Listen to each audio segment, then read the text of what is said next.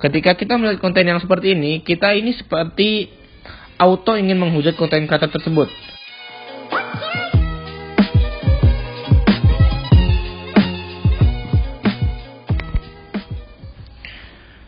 Assalamualaikum warahmatullahi wabarakatuh. Saya hari ini akan berceramah singkat tentang berkata baik.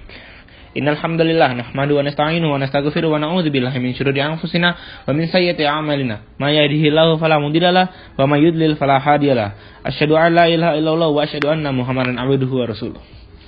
Sebagai hamba Allah yang beriman, marilah kita panjatkan puji dan syukur kehadirat Allah SWT yang telah memberikan kekuatan kesehatan lahir dan batin kepada kita semua.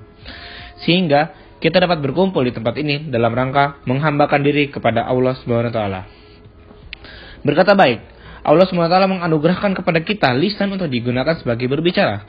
Ya, lisan ini sangat berperan aktif dalam kehidupan kita. Kita dapat memperoleh pahala dan kita juga dapat memperoleh dosa. Karena itulah selalu jaga lisan kita di masa sekarang ini. Saya sangat melihat sangatlah minim perkataan baik, apalagi perkataan yang ada di sosmed. Jujur, ketika saya membuka kolom komentar dari TikTok, Instagram, Twitter, itu sangat tidak enak untuk dilihat karena isinya yang sangat tidak mencerminkan menjaga lisan. Mungkin ada beberapa konten yang sangat menyinggung atau meresahkan kita sebagai user. Contohnya konten yang menyindir agama lain dan maaf, konten LGBT. Ketika kita melihat konten yang seperti ini, kita ini seperti auto ingin menghujat konten kata tersebut tapi kita harus bersabar dan memperingatkan dengan kata yang baik. Atau jika kita memang sudah lelah dengan komen tersebut, maka kita abaikan saja konten tersebut daripada berkata kasar. Karena dalam hadis Nabi, maka na yu'minu billahi wal yaumil akhir falyakul khairan aw liyasmu.